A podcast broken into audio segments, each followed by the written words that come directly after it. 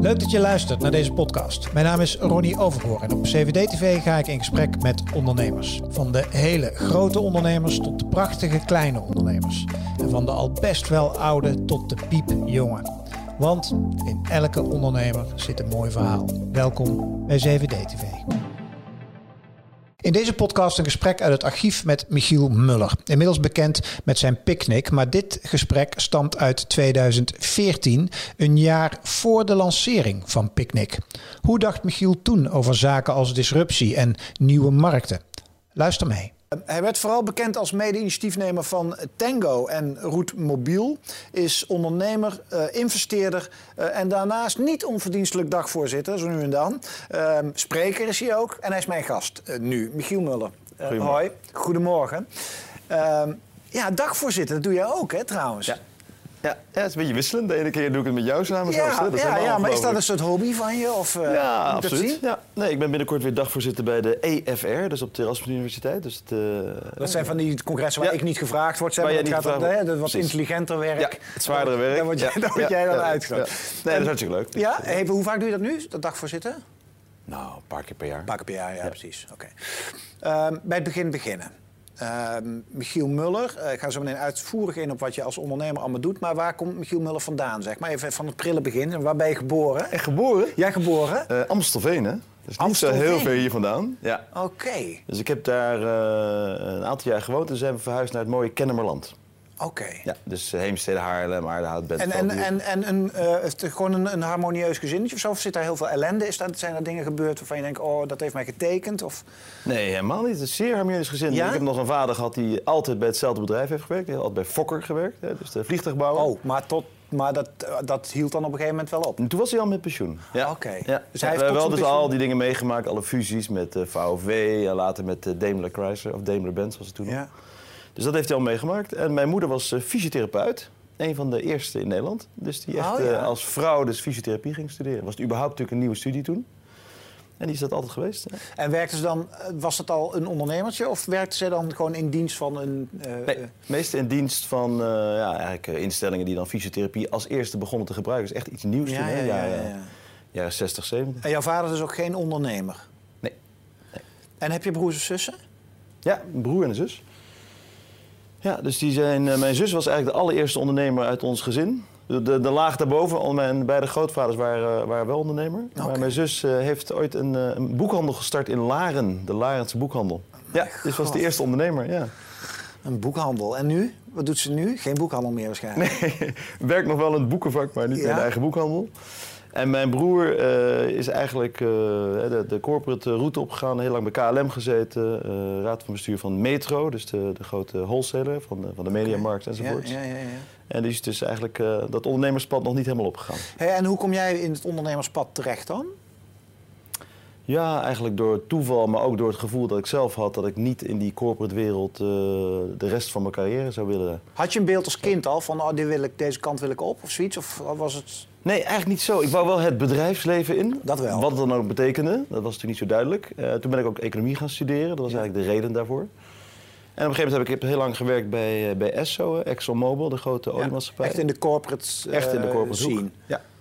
En toen kreeg ik op een gegeven moment wel het gevoel van... nee, ik wil dat toch kijken of, het ook, of ik het ook zelf kan. Zat je daar hoog in de boom, zeg maar? Of, Ja, nou op zich wel. Je hebt dus, uh, bij ExxonMobil heb je een uh, job rotation, zoals het heet. Dus je doet heel veel verschillende dingen. Dat Ja. maakt het ook hartstikke leuk om daar te werken. Ja. Maar je kunt daar groeien tot je erbij neervalt. Maar je krijgt daar heel strak. Het is echt een, uh, een piramide naar boven. Tegelijkertijd is het is campus recruitment. Hè. Dus iedereen die daar werkt, heeft daar zijn hele leven gewerkt. Dus een hele sterke cultuur. Wat maakt dat het heel plezierig werk is. Maar op een gegeven moment heb je het wel ook wel een beetje weer door hoe, het, hoe de hazen lopen. En toen? Toen heb ik eigenlijk gedacht, ik wil iets anders doen. Ben om me heen gaan kijken. Toen heb ik eigenlijk gekeken naar een aantal bedrijven die toen destijds heel erg ondernemend waren. Ahold was toen heel goed bezig. Uh, Ja. KPN. Eh, nou? dat soort- hè? Waarom lach je Nou ja, nou? dat is natuurlijk eh, toen eh, de, de groei daarna is natuurlijk wel zodanig doorgezet dat het wel iets anders is afgelopen. Ja, ja. Maar die waren toen heel erg aan de weg gaan timmeren. En, eh, maar ik kwam erachter in die gesprekken dat het eigenlijk meer van hetzelfde was. En uiteindelijk ben ik toen eh, via een oude baas die ik had bij eh, Petroplus terechtgekomen. Dus Petroplus, eh, de jonge oliemaatschappij destijds, de Nederlandse oliemaatschappij. Hm. En daar ben ik mijn huidige zakenpartner Mark Schreuder ook tegen het lijf gelopen. Oh, die kwam je daar tegen? Ja. Oké. En dat was, want hij, was, hij is jurist toch, van origine? Ja. Klopt. En jij, ik een econoom. Ja. Is dat een goede combi? Ja, dat, dat vult elkaar op dat gebied ook aan, absoluut. Ja. Wanneer, Ja. ontmoeten, je elkaar, wanneer ontmoeten jullie elkaar dan? Wanneer, wanneer dan spreken wij? Eh, ergens in 2000. Ik zie jullie nooit samen. Nee? Nee. Ik zat in de voorbereiding en ik verrek joh, ik, zal, ik heb jullie... Hij bestaat, ja, jullie... Wel, hoe, hebben jullie een kantoor samen? Ja, natuurlijk. Ja. Ja, ja. En, eh, maar ik zie jullie nooit samen. Oh nee? Nee, we doen heel veel dingen samen. Dus eigenlijk bijna alles wat we ondernemen doen we samen. Ja, want laten, het is begonnen met meteen zeg maar, het, het tango-verhaal. hè? Ja. Hoe ontstaat zo'n idee? Nou, Mark is, eh, heeft Tengo opgericht. Hè, dus vanuit zeg maar, met Petro Plus als groot aandeelhouder. Ja. Ik had die ervaring uit de, uit de olieindustrie. Wij liepen elkaar daar eigenlijk bij toeval tegen het lijf. Ja. En toen hebben we eigenlijk gezegd, joh, luister, eh, kunnen we dat niet samen gaan uitbouwen in Nederland en later dus ook in België en in Spanje. En zo is eigenlijk die complementariteit zowel in onze eh, achtergrond van onze studie, maar ook een beetje hoe, we- hoe we in elkaar zitten. Dat heeft eigenlijk tot nu toe geleid tot, tot een goede samenwerking. Onbemande tankstations. Ja. Dat had natuurlijk van alle hand. Dat was ook een beetje, eh, zeg maar, eh, le- lekker een bijtertje in een waanzinnig vastgeroeste scene natuurlijk. Ja. Hoe spannend is dat? Hoe word je dan dwars gezeten door de Essos en de Shell? Nou ja, kijk, we hebben natuurlijk eh, helemaal in het begin... Kijk, Tango was natuurlijk een echt een nieuw concept... waarbij je dus vooral op kostenbasis, een hele lage kostenbasis hebt... en dus goedkope benzine kunt verkopen. Ja. Dat is natuurlijk de basis. Want je hebt geen winkel, geen, personeel. Geen winkel, geen personeel. Je Kleine, doorloopt- kleiner eh, plotje Kleinere komt, stations, eh, kleinere ja. plots. Dus dat is allemaal heel goed voor je kostenbasis. Daardoor konden we dus goedkoop benzine verkopen en toch winst maken. Je ziet natuurlijk bij zo'n grotere partij, die zit natuurlijk vast in de kostenstructuur. Hè. Je kunt niet van de ene dag op de andere dag je duizend stations onbemand maken. Dus het geeft enorm veel druk op zo'n eh, maatschappij. Nou, in het begin ben je natuurlijk heel klein, maar naarmate je groter wordt, wordt het natuurlijk eh, eh, ja, wordt het toch vervelender voor die grote maatschappijen. En ze hebben ons natuurlijk in wel eens tegengewerkt. Ze zijn natuurlijk zelf met onbemande tankstations gekomen. Ja, en uiteindelijk heb je natuurlijk wel te maken met een hele grote tegenstrever. En ik zeg altijd maar, als je jong bent en een start-up hebt, heb je maar eigenlijk maar één ding als voordeel tegen de grotere partijen die al in die markt zitten. En dat is je snelheid van beslissen. En die moet je uitbuiten. Want je, bent, je hebt minder diepe zakken, je hebt minder mensen aan boord, je hebt minder ervaring, minder media power, minder politieke macht. Bedoel. Je bent een starter. Maar die snelheid van beslissen, die moet je, die moet je gebruiken. Die zou meer bedrijven vast moeten houden, toch? Ook? Hoe bedoel je vast moeten houden? Nou, die wendbaarheid en die snelheid als je groter groeit. Nee, natuurlijk. Want dan gaat het dus vaak eh, de verkeerde kant op. Uiteindelijk heb je, hoe lang heb je Tango zelfstandig gerund, zeg maar, als Ja, we hebben het samen 4,5 jaar gedaan. Ja, En toen verkocht, hè? ja. Aan Q8. Q8. Ja. Wat kost, het- wat kost zoiets dan? Wat, wat, wat het, eh, wat een tankerstation kost? Ja, maar nee, voor hoeveel je het verkocht hebt. Ja. Nee, dat is, eh, Want hoeveel, hoeveel, hoeveel tango's waren er dan? Toen wij het verkochten hadden we ongeveer 75 stations. In Nederland, Spanje? Nederland, België en we waren de eerste in eh, Spanje aan het bouwen. Dus we hebben eigenlijk Ah, ja, gezegd ja, ja. vanuit eh, Tango Nederland was het natuurlijk op een gegeven moment, hè, we hadden 20, 25 stations. Toen hebben we gezegd, joh, kunnen we dat ook in het buitenland doen? Toen zijn we in België gestart. We hebben heel veel in Oost-Europa gekeken ook, waar de marges ook nog relatief interessant waren. Spanje gekeken, Italië, dat is met afstand de mooiste markt voor onbemande tankstations. Maar er is zoveel wetgeving omheen, omdat daar de marges nog heel hoog zijn. De, De, marges op benzine en diesel zijn dan nog heel hoog. hoezo, is, hoezo is dat dan in Italië? Is die marge zoveel groter dan? Ja, dit is gewoon regelgeving, heeft te maken met de marktstructuur. hè. In, in eh, Italië mocht je toen, ik weet niet of dat nog steeds zo is, een station maar acht uur per dag open zijn. hè. Je ben je al eens in Italië vakantie geweest? Ja. Dan zie je wel eens van die kettingjes hangen. Ja, ja, ja. Dat is gewoon omdat het station dan dicht is. Dat mag maar acht uur open zijn. Dus die gaan 's ochtends open, smiddags lunch. Ja, ja, precies. En dan, of middags lunch, en dan in de eind van de middag gaan ze weer open totdat die acht uur vol zijn. Dus dat betekent dat in zo'n markt is natuurlijk ja, vrije concurrentie heel beperkt. Prijzen hoog, marges hoog. En toen verkocht? Ja. Voor hoeveel? Ja, dat is niet bekendgemaakt. Waarom niet? Ja, god, dat gaat zo, hè? Maar eh, en dat mag ook niet bekendgemaakt Nee. worden. Nee. Flauw. Ja, hè? Maar was het, en was het voor jullie twee? Nee, hè? Nee. Hoeveel aandeelhouders zaten erin dan? Eh, Peter Plus was het grote aandeelhouder. Ja. Mark was zo'n kleine aandeelhouder.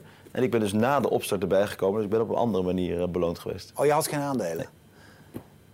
Maar zijn jullie financieel onafhankelijk geworden daarna? Daarvan? Nou, in die zin dat we alles wat we eigenlijk verdiend hebben in de volgende venture hebben gestoken in, eh in Roetmobiel. Oh ja, echt alles? Ja, nou, ik niet, ik alles. En Mark en... Maar Mark had wat meer, Ja. dus die heeft er net zoveel ingestoken, maar die had er nog wat over. Ja. Maar Mark die komt natuurlijk, die had natuurlijk zijn, die heeft, die, die, die- moet hij nog werken voor het geld? Mark? Ja, Ja, nee, natuurlijk. Om te Ja? beginnen wil hij dat. dat is wat anders. Nee, maar Mark heeft nooit iets eh, gekregen zeg maar, van, Nee, eh, van zijn ouders. Van jongens, hier heb je een, een zak met geld, ga maar iets mee doen. Nee, alles vanaf start af opgebouwd. Toen Roetmobiel, Ja. weer zo'n vechter. Ja. Beetje fighting de status quo, zeg maar. ja. Eh, Eigenlijk een beetje ontstaan in de tango-tijd. Want we waren met tango bezig. En toen kwam eh ANWB met onbemande tankstations. die begonnen ook met dat... eh, Nou ja, sterker nog, die begonnen dus toen wij al twee jaar bezig waren. En eigenlijk zij claimden, wij vinden als ANWB dat er wat concurrentie mag komen op de markt voor benzineverkoop. Toen dachten wij van ja, maar daar zijn wij toch al een tijdje mee bezig. Dus wij vonden het een beetje raar toen. En je doet eigenlijk wat je altijd doet als je concurrent krijgt. Ga je natuurlijk zoeken wie het zijn, hoe verdienen ze hun geld, hoe bouwen ze stations, waar kopen ze hun benzine. Dus eigenlijk gewoon een, een onderzoekje doen naar je concurrent. Nou, in die cijfertjes vonden we wel wat interessante dingen. Tegelijkertijd, we waren toen bezig met Tango, dus we hebben dat gewoon keurig eh, opzij gelegd. Maar toen we Tango verkocht hadden, dachten we toch, nou, toch eens even nog die file uit die la trekken. Ja, en toen Roetmobiel. toen zijn we Roetmobiel gestart. Dat hebben wel heel veel mensen. Wij wisten niet zoveel mensen van tevoren wisten ervan. Een aantal vonden het een waanzinnig goed idee. En een aantal zeiden van, doe het niet, dat lukt je nooit. En eh, nou, we hebben op een gegeven moment toch die knoop doorgehakt. En ook ontzettend veel geluk gehad met de partners die we vonden. En uiteindelijk zijn we in vier en een halve maand... hebben we van idee tot, eh Executie. tot executie. Ja. Maar ook, is dat nu ook weer verkocht? Ja, hè? Ja. Het is nu, het is nu van Dijsselbloem. ja, het is inmiddels weer van Dijsselbloem. ja. ja. Want SNS, Nee. want hoe is dat gegaan? Nou, eh Roetmobiel eh, was vanaf het begin in de opstart een, hadden we veel financiering nodig, natuurlijk voor de mediacampagne. Daarnaast is Roetmobiel eigenlijk een verzekeringsproduct, dus je had ook een verzekeraar nodig. Dus die moest je vinden. En SNS Reaal is toen ingestapt, die hebben 40% aandelen vanaf het begin. In ruil dus eigenlijk ook voor de financiering. En die hebben na een jaar of twee hebben ze gezegd, wij gaan nu naar de beurs toe en we willen heel graag Roetmobiel als geheel hebben. Dus die hebben een, eh, een onderhandeling gestart over onze 60%. En, hebben jullie weer geld verdiend. Ja, Jongen, jongen, jongen. goed hè? Ja. Hey, en nou weer terugkopen. Ja. Maar het ligt er niet een beetje op zijn gat, met alle respect, Roetmobiel nu. Dus ik zie ze nergens en ik hoor ze nergens. En ik Nou ben ja. trouw ANWB-lid, ik rij oude auto's, dus ik, ik heb dat soort instanties absoluut nodig. Ik, ik ben zeg maar zo'n zo'n klant die geld kost, weet je wel. en, eh, dus ik, maar, ik, ik, en ik hou enorm van de ANWB, want die zijn wel vet goed. Ja. Er zijn van die mannen en die, die krijgen altijd je auto weer aan de praat. Dus waar is Roetmobiel nu? Is nu, nou ja, kijk, ze zijn natuurlijk eh, een aantal jaar onder eh, SNS Reaal hebben ze het verder uitgebouwd. In die zin dat ze heel veel cross-selling hebben gedaan. Hè. Ze proberen dan echt maar andere verzekeringsproducten aan die nieuwe database van klanten te verkopen. Is dat dat ProTech-label? Dat is gewoon een verzekeringslabel. Ja. Maar Roetmobiel is toch ook gewoon een wegen of een service Zeker, voor dat auto's? bestaat ook nog steeds. Absoluut. Ja, echt waar? Absoluut. Maar hoe kan het, is, ligt het aan mij dat ik nooit die busjes zie van ze dan? Nou, dat ligt niet aan jou. Dat was in onze tijd ook al zo. Kijk, wij zijn natuurlijk begonnen vanuit een heel jong merk. En we kregen natuurlijk enorm veel tegenstand van de ANWB. Dus daar is heel ontzettend veel aandacht voor gegeven. En ik denk dat SNS Reaal heeft het meer als een soort eh, verzekeringsproduct in de markt gezet. En gewoon meer wat achter de schermen. Maar wat betekent dat als ik lid ben van Roetmobiel en ik heb pech? Ja. Wat dan? Dan sta ik langs de weg en dan bel ik Roetmobiel. Is- ja, precies. En dan eh, word je geholpen eigenlijk door een, eh, door een netwerk van pechhulpverleners. Die zijn verbonden via een internationaal netwerk. En dat heet Europe Assistance. Zit in 160 landen wereldwijd. Aha. En eigenlijk, dat is het leuke. Dus jullie hebben eigenlijk de, de echte wegservice uitbesteed? Ja, 100 Ja, ja, ja. ja. Nee, in ons onderzoek naar hè, hoe gaan we nou een concurrent van de ANWB in de markt oké. zetten, kwamen we natuurlijk achter dat je, eh, als je dat allemaal zelf moet gaan investeren, mensen, middelen, voertuigen, dat gaat het niet worden. En uiteindelijk in dat onderzoek kwamen we op een, eh, op een partij die al in, eh, in 160 landen actief is. En er zijn er meer van. Je hebt ook een mondiaal assistent, je hebt de Europese. Nou, in ieder geval, er zijn heel veel partijen. En daar blijkt dus uit dat zo'n, hoe Nederland georganiseerd is en ook Duitsland met de ADAC, dat is eigenlijk een uitzondering wereldwijd. En dat is natuurlijk het grappige. Als je zelf in een business zit, of je denkt iets te kennen van de buitenkant, dan ga je va- vaak vanuit dat dat ook de standaard is wereldwijd. Maar dat is niet altijd zo. Hm. Dus overal in de wereld wordt pechgroep anders georganiseerd dan in Nederland en Duitsland. Ja, dus daar worden ze eigenlijk gewoon via een alarmcentrale worden allerlei pechhulpverleners die door het land heen zitten, worden verbonden. En je belt dus je, je kaartje op je, je nummer op je kaartje. En je wordt met die alarmcentrale verbonden, die gewoon, als jij in Alkmaar staat, een pechhulpverlener in Alkmaar belt, Ja, ja. sta je in Heerenveen uit Heerenveen. Ja, ja, ja, Heel simpel. En nu weer terugkopen. Ja. Nou ja, kijk, de minister heeft tegen de nieuwe directie van SNS Reaal gezegd... ik wil eigenlijk zo snel mogelijk dat je weer zorgt dat alles in private handen komt. Dat geldt natuurlijk voor de bank, voor de verzekeraar Reaal. Er zit een heel grote levensverzekering eh, poot in. Maar daar hoort ook Protec bij. Is eigenlijk een eh, wat kleinere verzekeraar. Die heeft een aantal schadeverzekeringen. En ook onder andere Roetmobiel. En wij hebben gezegd, nou, we zijn geïnteresseerd om daar naar te kijken. En wij is Schreuder en Mark en ik, ja. En hoe ver is dat nu? Nou, dus, eh, de, eigenlijk is SNS Reaal nu aan het bekijken wat zijn nou de strategische opties. Hè? Dus hoe ziet het er eigenlijk uit? Wat hebben we nu allemaal nog in portefeuille. En wat is nou echt strategisch van belang voor die bank of voor die verzekeraar, wat niet. Nou, dat is natuurlijk even afwachten hoe ze daarover beslissen. En, maar heb je een planning? Of, of, uh, want... nou, wij kunnen op zich uh, heel snel schakelen. Uh, wij kennen natuurlijk ook niet precies hoe het ervoor staat. Dus er zit altijd wel een bepaalde onderzoek van onze kant ook, ook achter zitten. Maar ik denk dat het voor de concurrentie ook op, in Nederland ook hartstikke goed is. Als er een aantal van... Kijk, want de Nederlandse staat heeft natuurlijk nu een paar banken en een, en een paar verzekeraars in portefeuille. Dat is natuurlijk voor de concurrentie in Nederland niet echt heel sterk. Nee. Dus het zou goed zijn, denk ik, als er een kleinere verzekeraar. Maar waarom zou je je geld daarin stoppen en niet in, weet ik veel, iets heel anders? Nou, ik denk dat er heel veel kansen zijn voor een nieuw verzekeringslabel. Om echt dingen te maken die de consument graag wil. Je kunt met hele nieuwe technologie uh, ge, uh, gebruik maken. Je kunt nieuwe producten verzinnen die ook bij een nieuwe consument horen. Dus ik denk dat er heel veel potentie zit om dat te doen. Ah. Was de rode draad in jullie businessbeslissingen, zeg maar? Nou, ik denk dat we altijd zeggen, wij willen heel graag op consumentenmarkten zitten. Dat is één. Ja.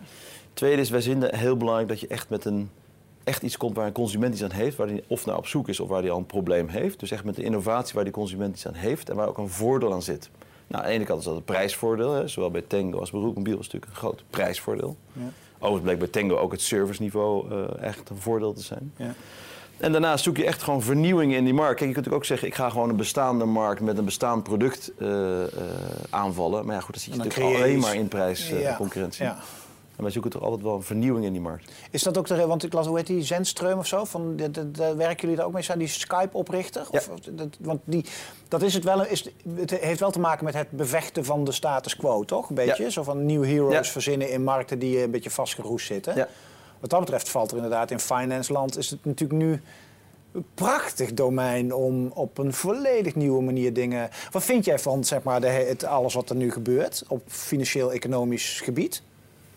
Nou ja, kijk, het is wel zo dat we natuurlijk nu te maken hebben echt met een breuk van hoe de oud werd gedacht. Hè? De oude markt, hoe het allemaal gestructureerd was. En daar gaat nu echt een nieuwe periode in. Hè? je denk je? Uh, ja, ja, bedoel, ja, noodgedwongen weliswaar. Maar denk je dat er ook echt nieuwe...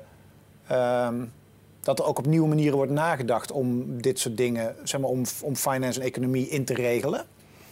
Kijk, finance, economie, dat hele stuk is natuurlijk een echt een hele zware industrie. Hè. Daar is het voor jonge toetreders heel moeilijk om te starten. Hè. Je hebt natuurlijk nu een aantal nieuwe bankeninitiatieven. Je hebt een aantal nieuwe verzekeraarsinitiatieven. Straks komt misschien uh, Google met een heel groot uh, Google Finance initiatief waar echt... Denk je dat of weet je dat? Nee, dat is wel sprake van. Hè. Daar wordt over gesproken. Nou, dat zijn natuurlijk wel hele powerful bewegingen. Waar dus dan op een gegeven moment mensen die vrij, relatief jong zijn met gebruik van nieuwe technologie compleet nieuwe doelgroepen gaan benaderen. Kijk, eh, wij komen al nooit meer in een bank, maar uh, onze kinderen die weten niet eens hoe een bank van binnen eruit ziet. Nee. Dus er gaan echt wel hele grote dingen gebeuren. Egon die nu Facebook inschakelt voor uh, verzekeringsachtige uh, oplossingen. Ja. We, we, ik word soms een beetje... Ik heb bijna last van gewetensbezwaren de laatste tijd. Heb jij daar geen last van? In welke zin? Nou, dat, dat, ik, ben natuurlijk, ik, ben, ik ben zelf hartstikke liberaal, weet je wel, en ondernemer. En, uh, maar ik kan, ik, als, als ik, de, ik bedoel, ik lees de kranten en ik luister de radio. En het enige wat ik zie zijn gasten die de zaak lopen te naaien. Zeg maar. Ja. Weet je wel? Nee. Ja, nee, maar ik ben, ik ben, even net in het voorgesprek. Ik ben opgegroeid in een tijd, in de 47. En alles wat een wit hemd en een das droeg dat was synoniem. Betrouwbaar. Aan, ja, dat was ja. synoniem aan betrouwbaar. Mijn ja. vader was boekhouder vroeger. Nou, die ging elke dag met zijn witte hemd en zijn dasje centen tellen en weet je, elk dubbeltje omdraaien. En in één keer is dat beeld nu, het zijn allemaal corrumpeerd veel geld hebben. Nou, ik denk is... dat niet. Ik denk wat corrumpeert is als het op een gegeven moment te makkelijk gaat. Hè? Hm. We hebben natuurlijk uh, een periode gehad dat het echt heel goed ging met, uh, met de bedrijven. Waarbij dus zeg maar, mensen die uh, CEO werden van een groot bedrijf werden als ondernemer gezien. Ja. En het risico wat zij liepen binnen dat bedrijf, dat was niet hun eigen risico. Nee. Dat was het risico van de mensen die geld aan ze toevertrouwden. Ja. En of dat nou aandeelhouders zijn of spaarders. En ik denk dat daar wel een belangrijk deel uh, mis is gegaan. Hè? Dat die mensen dachten, ik kan al het risico nemen. Kijk, als jij ondernemer bent en je neemt risico en het gaat fout... Ja, dan weet je wel hoe je thuis komt. Ja. Dat is niet fijn. Nee. En als je natuurlijk het enige risico wat je loopt is eigenlijk het reputatierisico. Ja. Of je baantje misschien. Of je baantje uh, misschien. Dus dat is denk ik, daar is het een beetje misgegaan. Dus de, de relatie tussen risico, wat je er allemaal mee kunt en het rendement wat je moet halen, dat is een beetje, een beetje fout gelopen. Stel dat je een dag minister-president zou kunnen zijn, wat zou jij als eerste aanpakken? Nou, de huidige tijd is natuurlijk uh, onderwijs is natuurlijk een ontzettend belangrijk iets. Hè. Even afgezien van het feit dat onderwijs een stuk minder op jongens is gericht, maar vooral waar het gaat om nieuwe technologie gebruik, begrijpen van nieuwe technologie. Dat vind ik heel belangrijk. En een ander thema in onderwijs is natuurlijk van... moet je nou iedereen alles leren? Moet nou iedereen de Franse taal leren? Ik vind het een mooie taal. Maar voor jongens is dat gewoon echt een enorme hurdle. Kunnen ze niet beter iets laten leren wat ze zelf geïnteresseerd in zijn? Dus dat, dat vind ik een hele Dus, belangrijke. de, ja, ja, ja, dus onderwijs minder standaardisatie, tailor-made maken en nieuwe Ja. technologie. ge- Gewoon een beetje in de wereld van vandaag zitten. Ja, precies. En ik denk een ander belangrijk is, en daar is, zijn wel wat bewegingen, is om te zorgen dat we, kijk, zijn, Nederlanders zijn natuurlijk best wel wereldwijd actief op allerlei gebieden. En dat ook weer een beetje naar ons toe trekken om duidelijk te maken waar zitten dan al die goede Nederlanders. We hebben natuurlijk ook in de, in de technologie hebben we een paar hele goede Nederlanders wereldwijd zitten. Laat die veel meer met elkaar samenwerken. Zorg dat wij onze toppers, onze topstudenten in tech of waar dan ook, laten we die de wereld oversturen en zorgen dat ze ook in contact komen. Dat er echt een beter, sterker netwerk ontstaat. We hebben natuurlijk een aantal van die eh, ambassadeursposten zijn al gesloten. Maar tegelijkertijd, als je natuurlijk hoort wat die, wat die, wat die handelsreizen, wat die opleveren. Ik ben toevallig eh, in Rotterdam, hebben we natuurlijk het Rotterdam Philharmonisch. Als die dus meetrekt met Rotterdam als havenstad naar Shanghai of naar Brazilië of naar Rusland. Het geeft een enorme power aan zo'n handelsmissie. Daar komen enorm veel ideeën uit terug. En daar is Nederland heel goed in. En daar moeten we gewoon weer, eh, weer kracht bij zetten. Hoe, eh, hoe vrolijk word jij van de start-up scene? Want je bent betrokken hè, bij flink wat eh start-ups. Hoe vrolijk word jij daarvan? Ja, ik word enthousiast over de, de hoeveelheid jonge mensen die ondernemer willen worden. Nou, het zijn de Er zijn nog steeds heel weinig in Nederland, toch? Het zijn er steeds weinig, maar er zijn er wel meer dan we hadden. Hm. En als je dus kijkt naar, natuurlijk de drempel is een stuk lager geworden om ondernemer te worden. Hè? Want je kunt nu, als je, een, als je een app bouwt of een website start, dan ben je ondernemer. Tuurlijk, dat begrijp ik wel. Maar het interesse is veel groter. Hè? Toen ik afstudeerde had je Hans van Breukhoven van de Free Record Shop. Hans Breukhoven. Hans Breukhoven van de Free Record Shop. pas op, hè. Eh, en eh, ja, en de rest van de ondernemers werden een beetje eh, als, als tweedehands autodealers weggezet. Ja. Nou, dat is denk ik wel echt aan het veranderen. Dat komt ook door een aantal internationale rolmodellen. Ja. Dus dat vind ik wel goed. Eh, ik zit dan in Rotterdam en in Amsterdam bij het eh, Center of Entrepreneurship. Dat zijn dus zeg maar pogingen om het onderwijs eh, en ondernemerschap te koppelen. Hè? Dus met andere woorden om onder- onderwijs over ondernemerschap te geven. Zou je daar niet meer mee willen doen? Dat is een beetje projectievraag dit, want ik zit daar ook naar te zoeken. Om dat onderwijs daar, hè, want ik ben het helemaal met je eens. Dat onderwijs, ondernemerschap. hè. Zet jij daar zelf concrete stappen in? Heb jij, ben jij bezig om dat onderwijs, om daar iets mee te doen? Zelf? Nou, zelf, ik geef dan wel eh, regelmatig gastcolleges. Dus dat, Ja. nou ja, dan help ik in ieder geval je mee aan het... eh, dat, is, dat, is, Ja. dat is een start. Maar zou je Eh, niet een nieuw ik bedoel? Als je het hebt over challenging de status quo, moet je geen Tango of geen Route Mobiel gaan neerzetten in het onderwijs? Ja, er zijn wel plannen voor geweest. Eh hebben we wel naar gekeken. Zijn we nog niet zover dat we dat echt eh, gelanceerd hebben. Maar zeker. Ik denk dat je ook bijvoorbeeld ziet eh, wat MIT natuurlijk doet, gewoon wereldwijd. Ja. Streaming, ze hun beste Ja. professoren neerzetten. Ja. dat is natuurlijk geweldig. Ja. Het geeft een enorme hoeveelheid mogelijkheden voor jonge studenten nu. Zelfs middelbare scholieren kijken dan naar. En dat is eigenlijk natuurlijk wel heel mooi. En daar Ja. moeten we natuurlijk als... eh, Ja, want dat Jobs dood is ook. Hè? Die had daar van alle plannen Ja. mee. Hè? ja. Die wilde heel rap die, eh, die kant op. Wat voor start-ups waar jij bij betrokken bent, zijn heel spannend nu dingen aan het doen? Nou, eigenlijk de meeste wel, als het goed is. Uh, uh, Fashionista is natuurlijk een, eh, een online uh, mode-community eigenlijk. hè? Ja, ja wat, is het een, wat is het? Is het een mode-community? Fashionista, ik bedoel, voor de mensen die het niet kennen. Het is, het is, is, leg eens uit wat het is. Nou, fashionista, wat, wat er gebeurt eigenlijk, vrouwen die online aan het shoppen zijn, fashion aan het kijken zijn in online winkeltjes, die vinden hele dingen, dingen mooi en dan klikken ze op ons hartje en dan wordt dat item op hun profiel geplaatst. Met andere woorden, zo creëren ze eigenlijk voor zichzelf een heleboel inspiratie van wat kan ik allemaal mooi bij elkaar combineren. Maar ze kunnen elkaar ook volgen. Met andere woorden, de ene volgt de ander. Dus een meisje uit Amsterdam volgt iemand uit Buenos Aires, die weer iemand uit Milaan volgt. En zo ontstaat enorm veel inspiratie, maar ook wat ze mooi noemen curation. Dus Ja. als jij nu op het internet intypt eh, blauw jurkje, dan krijg je 4 miljoen hits. En als je natuurlijk zegt van ja, ik vind bepaalde mensen altijd een hele leuke smaak hebben, Dan zorgt die eigenlijk voor, jou, voor een soort trechterwerking. En businessmodel?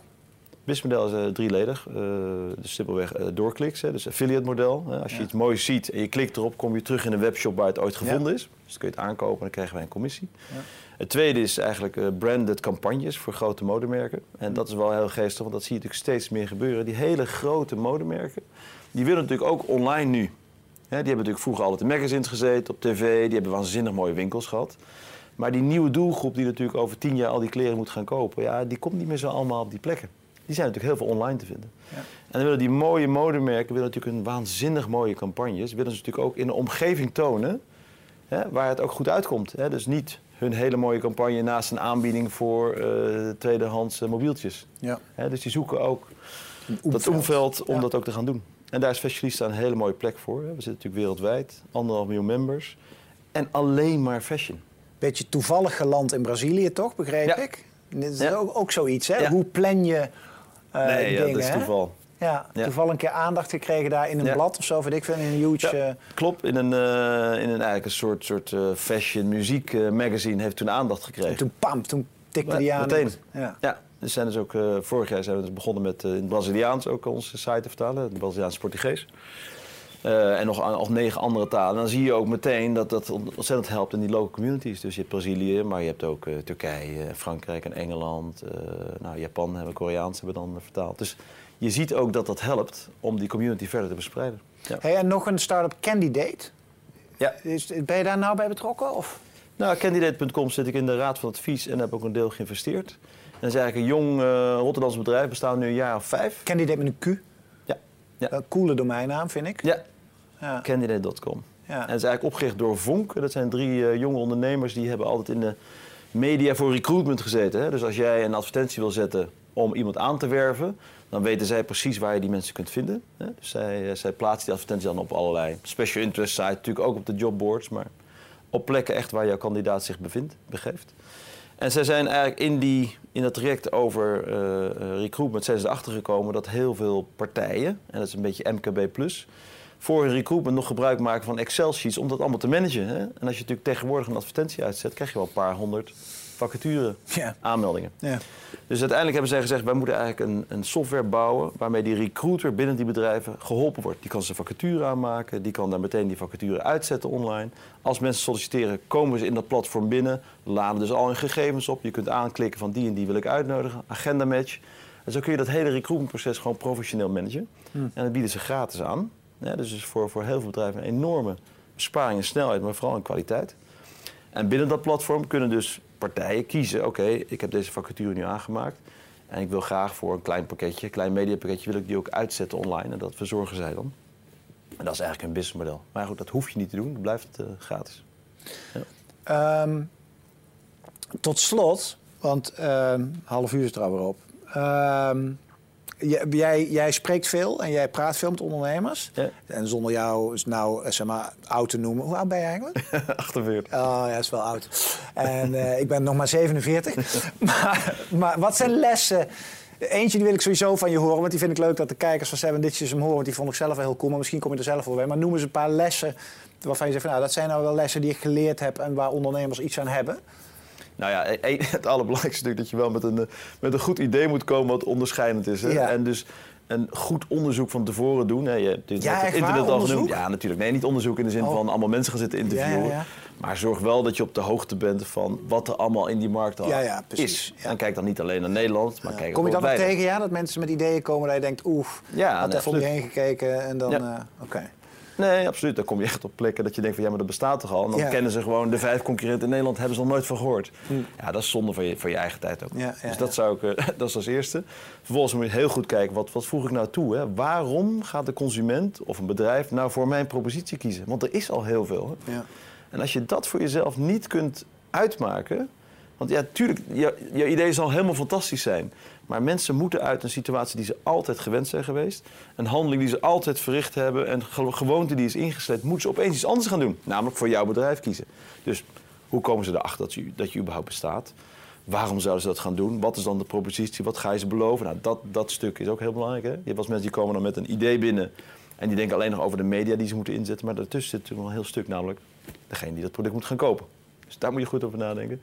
En het derde is, maar, en dat is iets wat je natuurlijk als ondernemer moet hebben, is echt daadkracht tonen, het ook gaan doen. En wij worden ook wel eens gebeld door mensen die zeggen, joh, ik heb een waanzinnig goed idee, ik loop al zeven jaar mee rond, ik zou graag een keer afspreken. Ja, dat is het probleem.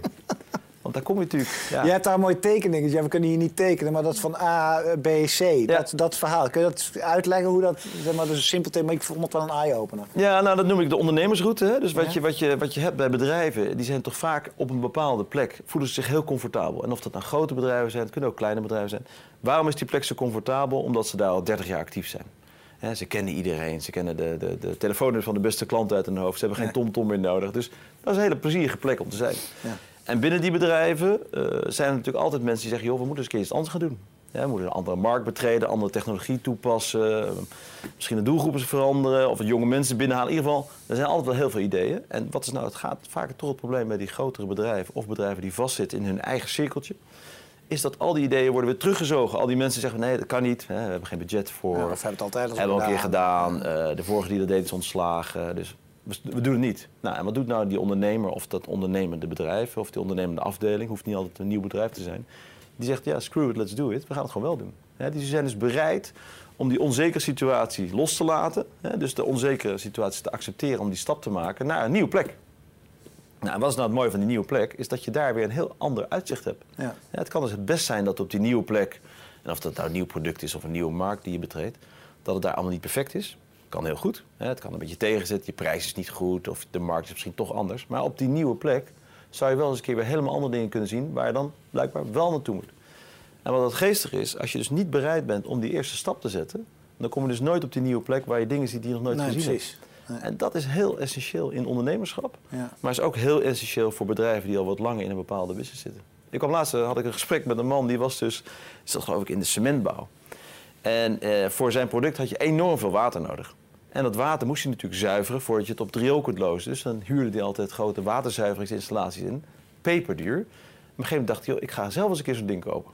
Is zo'n ding gaan kopen. Kwam er op een of achter dat hij die ook weer kon verhuren aan anderen. Zit nu in de waterzuivering. Ja, ja, Helemaal niet meer in die cement ja, Maar als hij, dat ding, als hij die ene niet had gekocht, had hij... Als hij dat nooit had gedaan, had hij nooit het andere gezien. Ja, ja, ja, ja, ja, En dat is natuurlijk, als je natuurlijk blijft waarbij je zit. En dat is natuurlijk ook, we hadden het net even over de, wat de crisis dan wel of niet gaat doen. En er zijn natuurlijk heel veel bedrijven die nu echt in actie moeten komen. Die moeten echt nieuwe. Hè? Ja. Tuurlijk, internet was er al, nieuwe technologie was er al, het moest al. Maar nu wordt het natuurlijk nog duidelijker, omdat zeg maar, de, de baas, de baseload van business, die, wordt ook al, eh, die gaat ook al weg. Dus neem die eerste stap om naar een nieuw uitzichtpunt te gaan. Ook al is dat misschien niet je eindstation. Ja. En van daaruit krijg je weer nieuw inzicht. Ja, dus blijf in beweging. Eh, accepteer die onzekerheid, toon daadkracht en blijf om je heen kijken naar de mooie initiatieven. Wat ga je vandaag doen? Vandaag? Ja, dat is wel grappig. Ik, ga, ik ben uitgenodigd voor lunch bij een van de grotere banken van Nederland straks. Dus dat is erg leuk. Oh ja? Ja. Welke nieuwe, Nou, dat is gewoon leuk om te sparren over... Uh, van ja, wat is nou de rol van een bank en hoe zou je nou uh, ook nieuwe... Ja, uh, bij welke bank is dat dan? dat is de, een van de weinige banken die nog niet in staatshandel is. Bij de Rabo? Is bij de Rabo, ja. ah. Nee, het is erg leuk. Dus dat is, een, het is gewoon een leuk gesprek om een beetje te kaatsen ook van wat zie ik, wat zien zij. Dus dat is de moeite waard. En in de loop van de dag heb ik nog een paar dingen staan.